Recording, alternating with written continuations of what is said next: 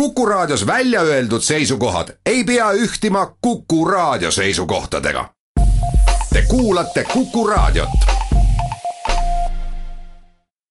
mehed ei nuta. elus on mängu, mängus on elu, aga spordis mehed ei nuta. Unibet, mängijatelt mängijatele. mehed ei nuta tere hommikust, Kuku raadio kuulajad, Mehed ei nuta on eetris ja tõe huvides olgu kohe ära öeldud, et et tegelikult see hetk, kus me siin räägime ja, ja oma spordijutte ja muid jutte ajama hakkame, on esmaspäev pärastlõuna ja me oleme siin, Tarmo Paju ja Peep Pahv Kuku raadio stuudios ja meil on kusagil eestlaste loodud Skype'i vahendusel Jaan Martinson liinil Colorado osariigi avarustes ja kannatamatult ootab, et saaks sealt lõpuks minema. ja olengi siin ja tahaks kannatamatult ära saada, et hääl on täiesti ära, siin on mägedes niivõrd kuiv õhk ja, ja üldiselt no ei ole see Ameerikaga teab mis, mis õige, õige koht, et ikka noh, söögid, värgid, särgid, ei tea, ei taha siin, ma ei saa aru, kuidas need inimesed suudavad siin elada. aga Jaani reisihullus ongi siis see põhjus, miks me seda saadet eh, lindistame, eks ole, et me ei saa otse rääkida, kuna Jaan istub siis lennukis, no ta on niisugune üks nädal Monte Carlos, teine nädal Ameerikas, nüüd on küsimus ainult, kas Trump laseb tal üldse Eestisse tulla või või vaadatakse talle otsa seal äh, viimases peatuspaigas ja kupatatakse otse Iraaki või kuhugi sinna, et sinna nad ju kõik saadetakse praegu. No esialgu ei tahetud sisse lasta ja, ja äkki nüüd ei taheta tõesti välja lasta, et ei no välja nad lasevad su küll, Jaan, nad lihtsalt äh, noh, panevad su sama lennuki peale, kus, äh, kus need seitse riiki kodanikku lähevad, keda kõik välja saadetakse. oled sa ennast peeglist kunagi vaadanud, et nagu aru saada, miks sind ei tahetud sisse lasta? aja habe ära, enne kui sa lennukile lähed. kellele sa sarnaned kõige rohkem? ja nagu Klandorf ajas vuntsi ära, jah ka vana salaluure. just, ja teine kohustuslik osa muidugi, mis jäi meil siin Jaani eemaloleku tõttu nüüd natukene poolikuks ka, on selline korralik tutvustamine, et Jaan Martinson Delfist, Eesti Päevalehest ja igalt poolt on meil siis äh, ookeani taga, Tarmo Paju Delfist on siin Kuku raadio stuudios ja Peep Pahv, mis me siis ütleme? ei kusagilt. vaba mees. vaba mees. vaba mees, jah. no nii on. mis siis nüüd toimub? midagi ei toimu. Äh, ütleme nii, et kümme pool aastat kestnud töösuhe Postimehega lõppes. ega see ikka õige asi ei ole, Jaan, on ju? no tähendab, ma olen töötanud praktiliselt kõik, kõikides toimetustes ja kõikide juhtide alluvuses ja ma leian, et, et ülemusena ta on, on väga vinge vend ja eile õhtul võtsime siin väikse õlle ja, ja siin arutasime natukene seda Eesti spordiajakirjanduse seisu ja äh, meil oli Madis Kalvet siis äh, Postimehest ja, ja ta ütles, et ta on iga, igati rahul ja mis eriti, mis äh, Peebu juures meeldib, on see, et ta kaitseb rinnaga oma inimesi, oma ajakirjanikke ja, ja eks ta ma kujutan ette, et mehed on ja naised on teil seal mures, et, et mis nüüd saama hakkab. no tuleb uus suur juht ja liider ja, ja ja küll kaitseb ka. no aamen, kirjutame sellele Jaani jutule alla, muidugi suurim kaotus eh, lisaks eh, sporditoimetusele on kindlasti hommikused koosolekud, ma saan aru, Postimehes, kus nüüd ikkagi nagu see, mis tegelikult toimub maailmas, noh see, sellest ikkagi ilmselt Postimehest me enam teada ei saa. no see jääb ilmselt jah teadmata, ütleme. aga seevastu on meie saade, kust igal teisipäeval äh, seda saab kenasti kuulda ja läheme esimese teema juurde, loomulikult kui Jaan juba Ameerikas on, kui püss juba laval on, siis pauku peab tegema, Jaan Aspen, X-mängud, Kelly Sildaru, ajalooline teine X-mängude kuld ja kõik need jutud, Jaan, lase tulla. no mis, mis siin nüüd tulla lasta, tead, Peebule see jutt igal juhul vist meeldib, väga ei meeldi, aga ma hakkasin ma hakkasin vaikselt juba, juba sellest vigursuusatamisest aru saama ja, ja ma tegin isegi niisugust pattu, et, et vaatasin isegi meeste sõite täiesti niimoodi lampi, kuna meie, meie suusatajaid seal ei olnud, aga, aga tegin rahulikult teleri lahti sinna õhtul ja, ja vaatasin, elasin kaasa ja, ja ausalt öeldes täitsa äge oli. kas sa käi-, kätt südamele pannes julged kinnitada nüüd Eesti rahva ees, et äh, kui hüppab üks vigursuusataja ma ei tea, neljakordse või viiekordse mingisuguse pöörde, siis sa teed vahet neil äh,? vaikselt hakkan tegema. kuule Jaan, sa ei tee isegi uisusammul ja klassikalisel suusasammul vahet, rääkimata nendest pööretest või mida, mida sa ajad Ol-, olgem, olgem nüüd Jaan ausad, noh, tegelikult sa ju spordi nüanssidesse sa ei suuda ju, ju tungida, sa oskad lahedat juttu ajada seal ja, ja igast värki kirjutada, aga aga niisugused nüansid jäävad ju sinu jaoks ikkagi nagu kaugeks. tegelikult noh, kui nüüd rääkida Kelly, Kelly Sildarust ja Kelly Sildaru etteastest, siis äh, äh, ei olnud see võistlus eriti hea. absoluutselt kõik, kõik naised väristasid kätt ja väristasid jalga äh,, Kelly väristas täpselt samamoodi, aga see kõik, mida ta tegi hästi, tegi ta oluliselt paremini kui teised. ja, ja see ongi nüüd põhjus, miks ta on võitnud kakskümmend äh, pargisõiduvõistlust järjest, aga kohe-kohe hakatakse talle ikkagi selga tulema, seesama äh, prantslanna noor viieteistaastane Tess Ledoux äh,, siis norralannad siin tulevad, näete, mul hääl hakkab jälle ära minema. püüan elus püsida ikka saate lõpuni jah, et Liisa Zimmermann, kes võitis teda äh, selle Big Iris hüppega, tegi, tõesti tegi hea hüppe ja sellise hüppe, mida Kelly äh, arsenalis ei ole. ja kui nüüd järgmine olümpia, Zimmermann on pargisõidus ja ta suudab oma pargisõidu kava kokku panna ja teeb seal niisugused hüpped, siis läheb Kellil tõesti väga raskeks, et siin ongi nüüd, Kellil on vaja üks tegelikult mitte väike, vaid küllaltki pikk samm edasi astuda. ma arvan, et see on võimalik. eks need hüppeid, keerulisemaid hüppeid ta harjutab, seal ei olnud hoogu ka, no seal jällegi arutasime natukene, et, et hoo tõttu jäid tegemata need nii-öelda korkhüpped, et ta läks lihtsamate hüpete teel, et jah, mul ei ole varsti häält tõesti oota, aga ma tahtsingi küsida seda, et et kui see vahe oli praegu siin kaks koma midagi punkti, eks ole, üheksakümmend ja üheksakümmend kaks, et ja samas kirjutati, et noh, ta on nagu teiselt planeedilt, et kas see vahe nagu reaalsuses, kui suur see vahe siis nagu tegelikult on, et mina vaatasin ka nüüd tagantjärgi, ma otse ei saanud vaadata seda võistlust, vaatasin tagantjärgi, need sõidud ära, mina ei saanud nagu midagi aru, et seal üks oleks nüüd parem ja teine kehvem olnud, eks ole. et, et kui kui suur see vahe nüüd, kas sina, Jaan, oskad öelda, kui suur see vahe tegelikult on? no see, see vahe ongi niimoodi, et, et Kelly suudab võita ka ebaõnnestunud äh, etteastega.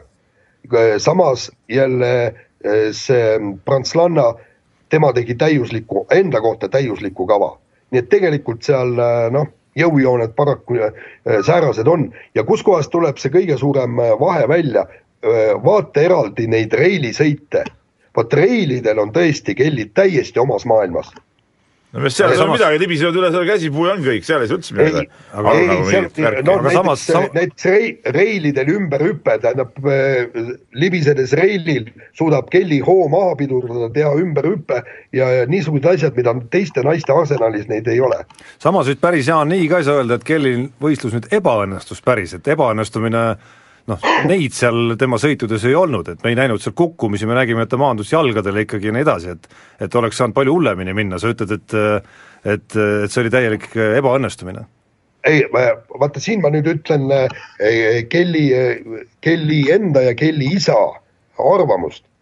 et eh, me vestlesime eile Kelly isaga ka ja et, et näed, et vastased ei teinud justkui midagi ja siis selle peale isa ütles, et ega Kelly ei teinud ka midagi et ta, tal ikkagi, ta ei saanud äh, oma hüppeid paika ja äh, eksis ka seal reilidel tuli paar viga sisse, et mittekellilik etteaste oli.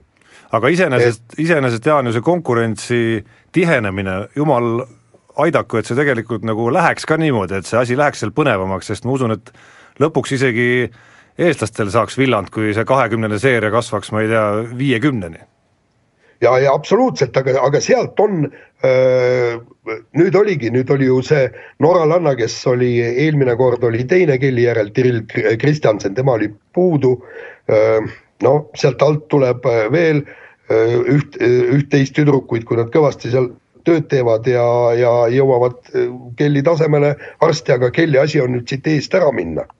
et see natuke meenutab see olukord võib-olla äh, Äh, naiste MM-ad, kus üks naine tegi selle nagu tõstis lati mingile tasemele ja siis kõik tulid järele, ma loodan, et muidugi seal selles see sõidus, et lõpp ei ole samasugune jah, et siis kõik mühinal mööda ka kohe lähevad ja ei ole ühtegi alust seda arvata ka, sest lõpuks, kui me vanuseid vaatame, siis Kelly on ju tagaajaja ikkagi, ehk et tal on kõige rohkem neid äh, nii-öelda seda arendustööd võimalik ise teha, võrreldes oma konkurentidega just ja, ja seal, seal tulebki võib-olla see noorus, ma ei, ma ei oska öelda, võib-olla seal on see, et, et isa veel ei taha, et tütar teeks äh, nii-öelda ohtlikke trikke.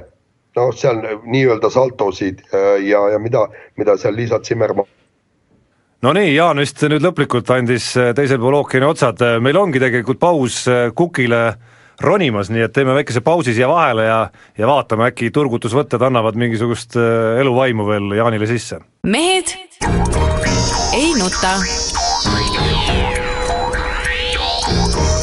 elus on mängu, mängus on elu, aga spordis mehed ei nuta. Unibet, mängijatelt mängijatele. mehed ei nuta. oleme tagasi eetris, pausilt tagasi ja üllatus-üllatus, vanameistris on veel elu sees teisel pool ookeani, Jaan, oled elus? olen elus jah, aga hääl hakkab vaikselt ära jälle kaduma, aga noh, proovime kuidagi hakkama saada.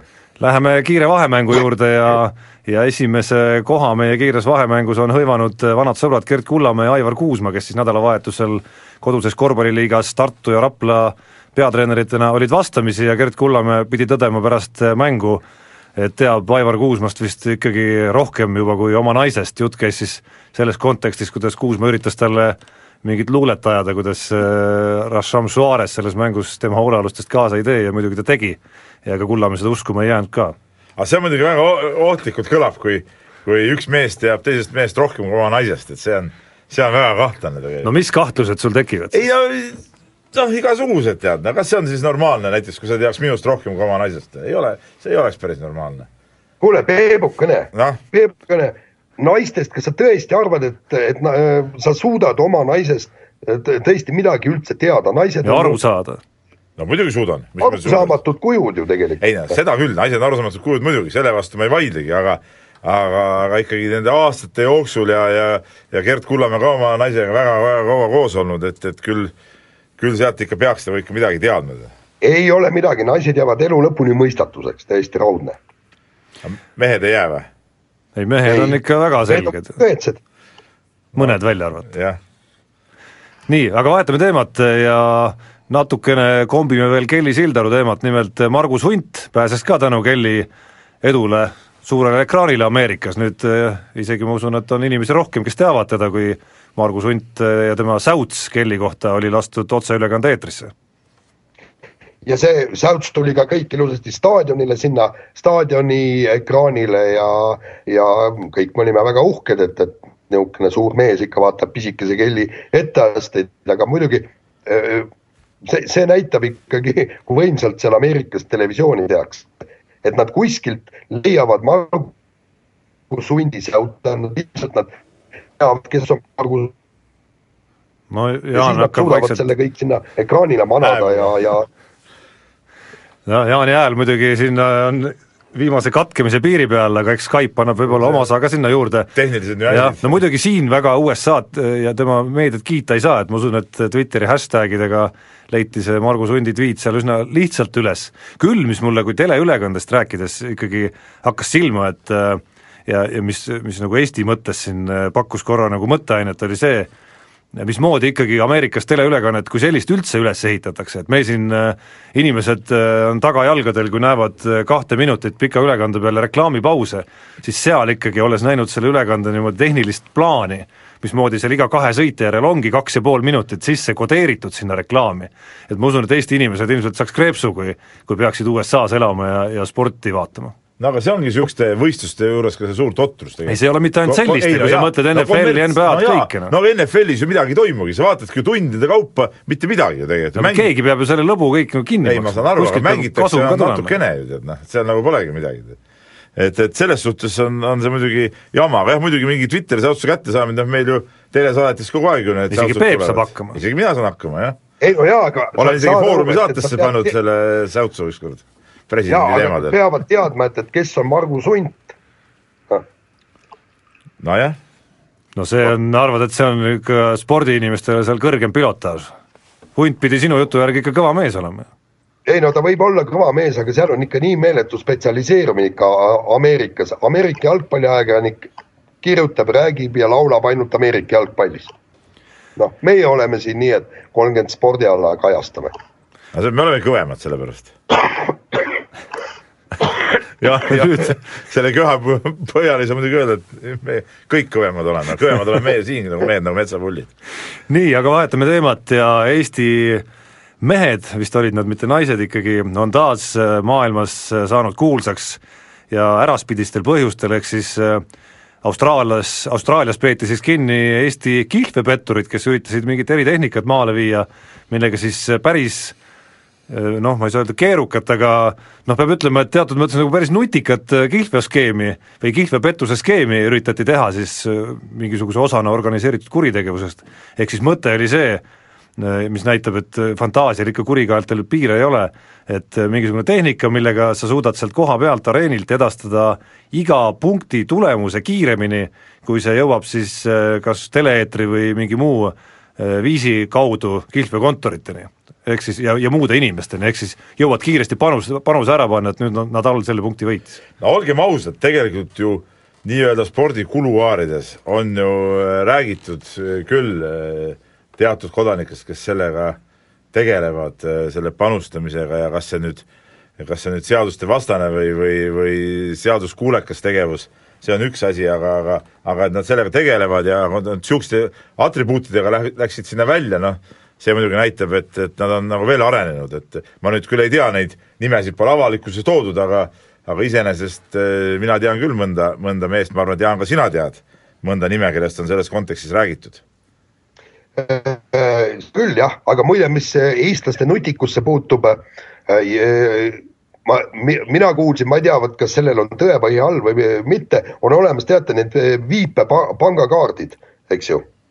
viipad ja sealt äh, noh, kümme kuni kümme eurot läheb sealt äh, ilusasti raama ja väidetavalt eestlased leiutasid niisuguse masina et panid endal kotti ja käisid seal ühistranspordis kuskil bussi läksid ja oma kotiga nii-öelda öö, ohvri kotist libistasid mööda ja piiks-piiks võeti sealt kümme eurot Kümme maha või dollarit Jah. piiks-piiks järgmisest kotist ja, ja koorisid endale päris mõnusa koore sealt. aga olgem ausad, siin peab ikka puruloll olema, kes selle viipekaardi võtab, no see, see poes ju võidki ennast tühjaks ju käia niimoodi rahast, no see, mina niisugust asja mitte kunagi endale ei võta.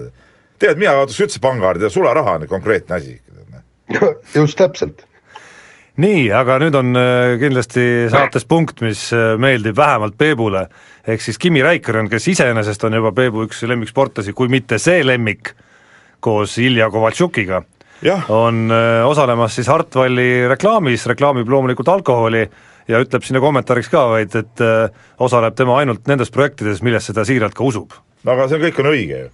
tähendab, mees ei keeruta midagi, ei käi mingit suvalist mingit mömmi või pesupulbrit reklaamis, vaid, vaid asi, mis, mida ta tarbib. ja minu arust õige, sirge seljaga ütleb ausalt välja, väga äge. peaks talt küsima mingit kommentaari Ossinovski kohta ka, ma arvan. no sealt sealt tuleb midagi, kindlasti tuleb. aga hästi lühidalt. et tead, meil on olemas üks niisugune minister siin Eestis, on ju, teeb seda, teist ja kolmandat, kuidas kommenteerite? kuule, Peep ja Tarmo, no kas see on normaalne, et Kimi Räikkönen mingit Longerot reklaamib, ma saan aru, head õlut. vaata, ta on, Jaan, ta on ka noor mees, noor mees ja noorus on hukas selle koha pealt, tead näe. Nad, nad ju normaalset alkoholi ei, ei taha tegelikult, noored ju. nii, nii., aga nüüd tulevad uudised peale ja peame siia natuke pikema pausi vahele tegema. mehed ei nuta. elus on mängu, mängus on elu, aga spordis mehed ei nuta. Unibet, mängijatelt mängijatele. mehed ei nuta oleme tagasi eetris, Mehed ei nuta, kirjade rubriik on kohe ees ootamas, Peep Pahv, Tarmo Paju siin Tallinna stuudios ja Jaan Martinson endiselt eluvaim sees Colorado avarustes peagi suundumas koduteele, aga Peep, meil on äh, kirju tulnud. kirju on tulnud palju nagu alati ja, ja võtame kohe järjest, aga enne ma tahtsin muidugi küsida, et, et Jaan, kas sa siis legendaarset kuuma õlut ei ole joonud, et häält korda saada või? ei, vot siin ei saa seda õlut kuumaks, ei ole, ei ole kohta öö, õlut ku-, kuumaks teha, küll ma eile turgutasin ennast viskiga ja täna on oluliselt parem. sul oma, oma leeklamp ei ole kaasas siis või? mida? oma leeklamp ei ole kaasas, mille peal kuumutada? ei, ei, ei, ei lasta sisse. Lähed kuskile Ameerikasse, sul pole oma asju kaasas, need ei saa ja, usaldada ju noh. ei, aga miks, no kuule, kui viskiga sai hääle enam-vähem korda, no miks ma peaksin kuuma no kuidas see õlle kuumutamine nii keeruline olla saab, võtad õllepudeli, paned kuuma vee alla kraanikausis ja ongi olemas ei noh, see ei ole ikka ikka see noh. nii, oota, aga lähme nüüd kirjade ma arvan, et juurde see ja ajab väga hästi soojaks. ja Jaak kirjutab ja see on küsimus, Jaan, sulle muidugi kohe Oo. et eh, kas Jaan võtab nüüd habeme mahaajamise teemasse, kui Kalle oma vuntsidest loobus, jutt käib siis Kalle Grandorfist, et äkki Tarmo mäletab neid originaaltingimusi ka, mille puhul see pidi juhtuma. et aastast aastasse on need tingimused Jaanil muidugi järjest ulmelisemaks läinud.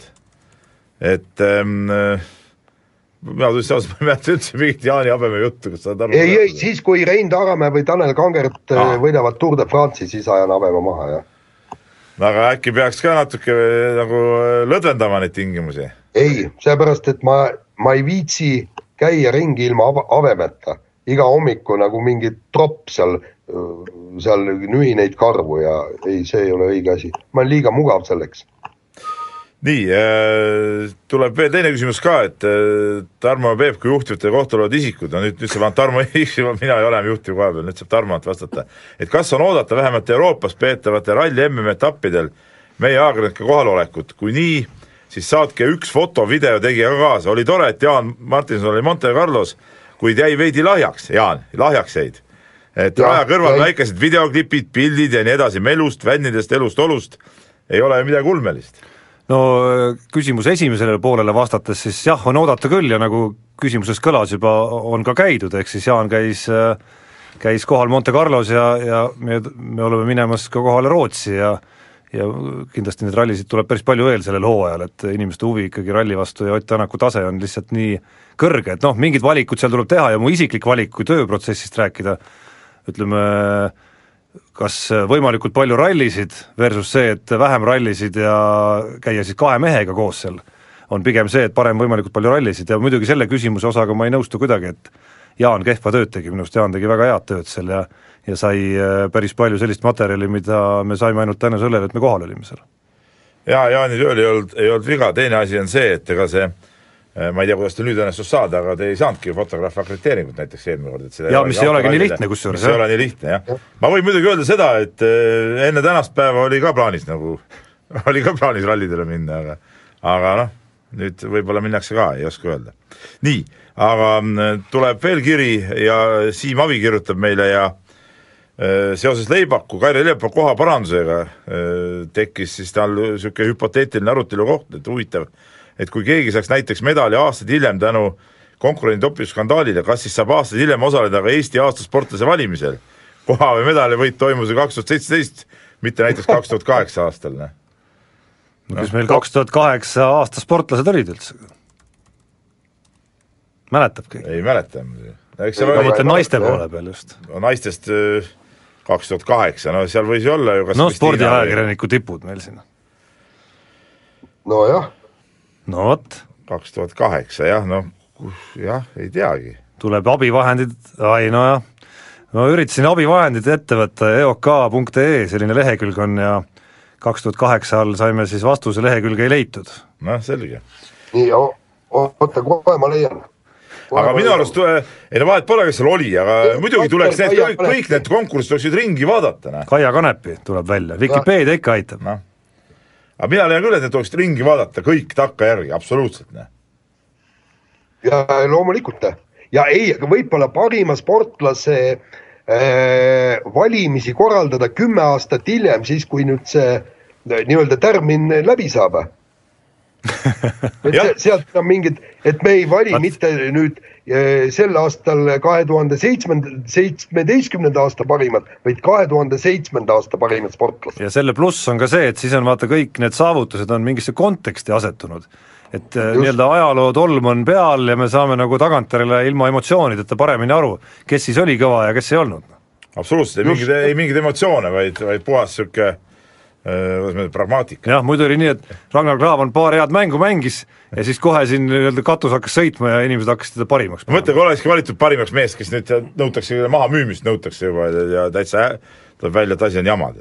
nii, aga lähme nüüd, lähme päris teemade juurde edasi, et, et muidu ja, me ei jõua. ja esimene teema haakub tegelikult sellega, mida Kaire Leebak sotsiaalmeedias kirjutas ja meilt küsiti, ehk siis Usain Boltilt võeti ära kaks tuhat kaheksa olümpiateatejooksu kuldmedal ehk siis tema kullasaak kõikidelt olümpiatelt ühe võrra vähenes ja ja miks seda teemaks äh, eriti oli põhjust võtta, et päris palju, mitte ainult Kaire Leibak, vaid vaid päris palju ja ka tavainimeste hulgas oli seda emotsiooni, et mida, mida võib-olla niisuguste reauudiste puhul pole olnud, võetakse tundmatutelt sportlastelt neid mingeid kohti ära, et Usain Bolti puhul, et kas tõesti on sellel mõtet?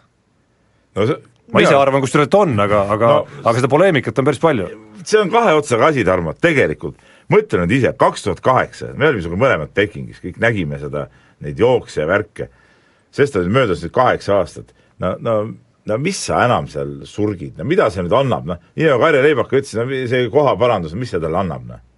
või noh, keegi saab nüüd kätte selle medali kuskil postipakiga, noh õudne emotsioon on küll, eks ole, mäletage ainult, ta käis olümpial võib-olla. noh, muidugi on siin variant, et eristada siis seda, et kas peab medalid ära võtma versus see, et kas üldse neid proove peab lahti võtma, mulle isiklikult tundub, et see on üldse nagu mingi ainus relv, mis dopinguvastastel võitlejatel on jäänud, et need vanade proovide kallale minna, sest värskete proovidega nad ei suuda kedagi vahele võtta.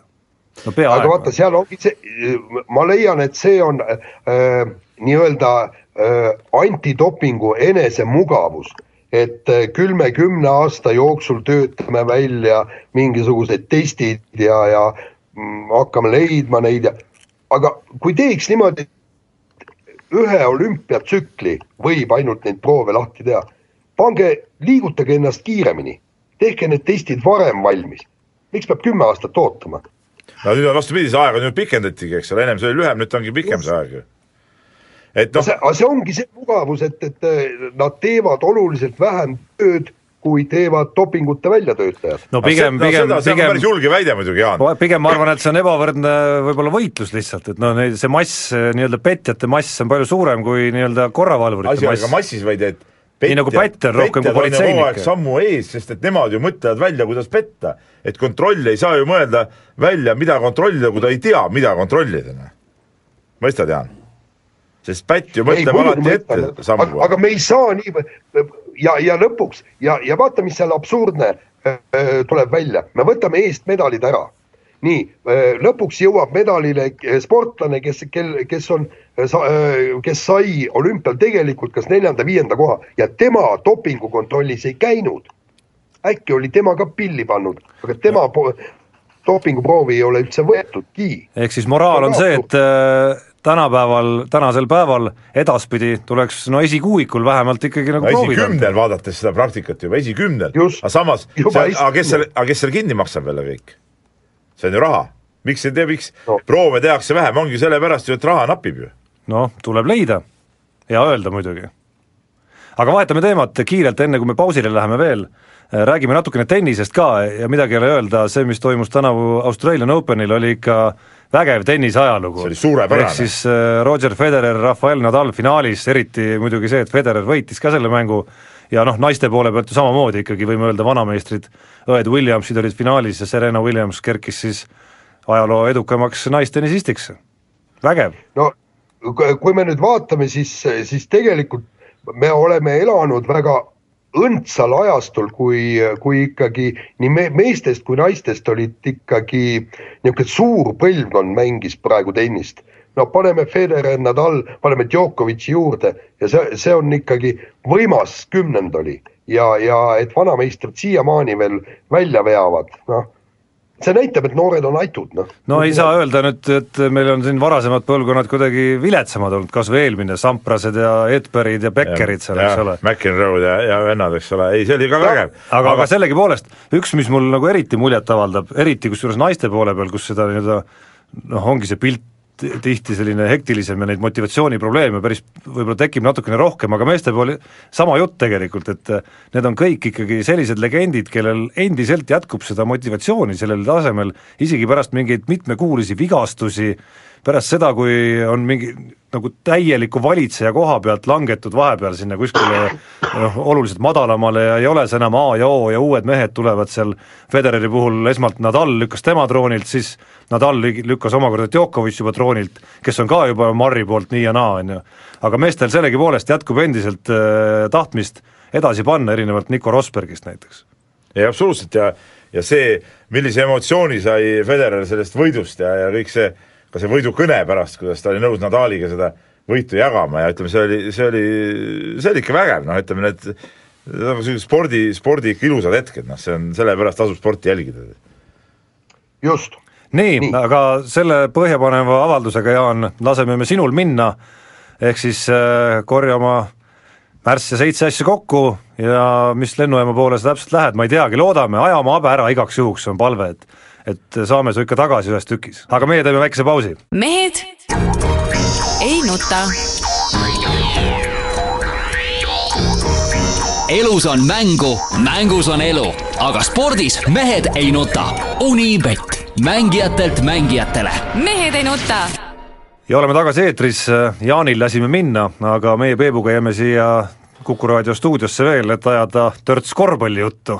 seda ju nii vähe saab teha, eks seda saab vähe teha, jah olles just ise tulnud eh, poistega Eibli etapilt eh, Kaunases, ütleme nagu viimased kolm päeva korvpallist läbi imbunud nii ehk naa, tead noh. nüüd veel siin kodused asjad ka, aga noh, lähme, lähme asja kallale siis no ja tõe huvides olgu öeldud taaskord, et Eibli etapp möödus äh, ikkagi suhteliselt edukalt. Eh, no, väike Keila ja kaks võitu. kaks võitu jaa, ütleme sai võetud ära Valmera, kellega siin Eesti satsid Balti liigas ütleme täiskasvanud satsiga pusivad kõvasti ja, ja no, varsti näeme, kuidas, kas Rapla hakkab pusima nendega vist. on, on täitsa tasemel sats ja Valmiera liider oli äh, Läti äh, suvel EM-il oli Läti koondise üks põhimehi näiteks. ja siis võitsime ühte, ühte Poola võistkonda, kus oli üks, ma pakun veel kolm, kolm-neli niisugust kahemeetrist niisugust suurt, suurt meest ja meil veel põhimängujuht veel selles mängus äh, väänas hüppeliigest, pani vägeva kulbi ja maandus siis vastase jala peale, väänas hüppeliigest, nii mängisime sisuliselt kaks ja pool veerand aega ilma põhimängujuhita ja ja, ja teised mehed vedasid välja, et see oli nagu emotsionaalselt oli väga kõva võit poistele ka. ehk siis, kui äh, kaotajatest me rääkisime, siis kui keegi tänastest uudistest võitnud on, siis äkki Eesti korvpall hoopis, ühe treeneri näol, aga läheme suure korvpalli juurde, Rakvere ja kaks teemast meil on siin, esimesena siis Rakvere Tarvas ja ja loobumisvõidu andmine Balti liigas, mis tõi siis kaasa meeskonnale diskvalifitseerimise ja play-off'ist eemale jäämise.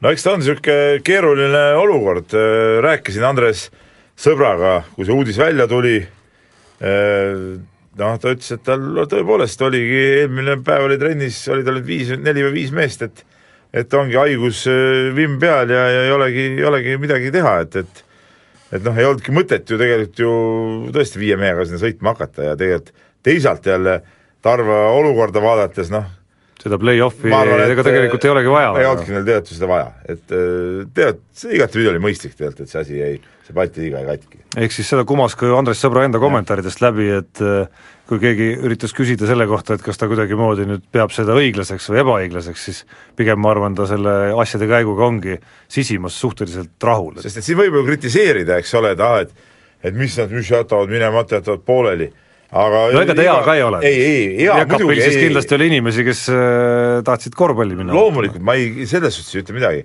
aga ütleme, saame ka asjadest aru, et, et kui kui iga välissõit on siin ka tead oma seitse-kaheksasada või, või peaaegu tuhat eurot, eks ole, siis praeguses olukorras noh, see on äh, Tarvale ka suur raha ja ja, ja, ja pigem see oli nende jaoks kergendus, et võib-olla saatus mängis kätte selle, selle momendi, et vennad olidki haiged ja sai selle taha öö, pugeda ja, ja, ja nii ongi, ega midagi teha pole. Aga noh, mille kohta see on ikkagi selline puhas näide jällegi sellest hooajast, on ikkagi see, kui hapraks on Eesti meistriliiga klubid muutunud, kui lühikeseks on muutunud nende koosseisud ja see ei puuduta ainult Rakvere Tarvast, kes on võib-olla nagu äärmuslik näide, raha, rahalised raskused ja kõik muud sinna juurde, et kui sa vaatad ka teisi klubisid, kes on oluliselt kõrgemal, kas või sedasama Raplat, kelle jõud, mulle tundub, ongi hakanud raugema siin viimaste Balti liiga mängude näitel just tänu sellele, et noh, seitsme mehega sa ei mängi ju tervet hooaega. Sa mäletad, ja neil on isegi vedanud kusjuures, et seal on üksikud vigastused Jah. olnud, nagu Indrek Ajupank praegu, praegu, et kui Toomas Vandermarsiga peaks midagi juhtuma kas või kaheks nädalaks,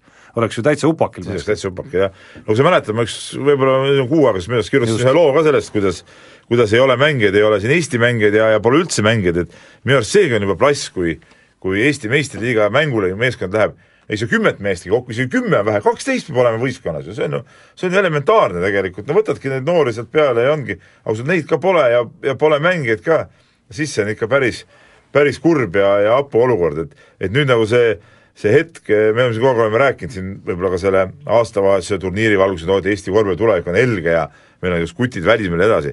aga selleks eh, siin võib olla veel minna aasta-kaks niisugust eh, tegelikult hoopis madalamat seisu, kui meil ei olegi reaalselt, ei ole mängijaid, ei ole normaalset satse ja siis alles, kui need vennad nüüd tõesti saavad päris meesteks, hakkab asi võib-olla tõusma, et, et sellega peab peab praegu arvestama, et reaalsus on selline. no ega me siis ka ei tea, kas need mängijad, kes oma tasemelt, ütleme, jäävad selliseks meistriliiga tasemel mängijaks, kas nad, kas neil üldse motivatsiooni on tegeleda, et Mattias Tassid ja ja, ja selle taseme mehed võib-olla tõesti sihivad Euroliigasid ja ma ei tea, mis välisklubisid ja mis iganes asju, on ju. Aga ma natuke või Eesti tippklubisid, eks. ma nõus, sa tõid selle tassi teema kohe sisse, aga ma natuke tahaks äh, nüüd teha kriitikat ka selles suhtes, et see Mattias Tass on nüüd sinna Kalevisse võetud, kõik on nagu jõle äge. noh, oli siin äh, lahing selle Pärnuga, noh kolme punktiga Kalev võitis.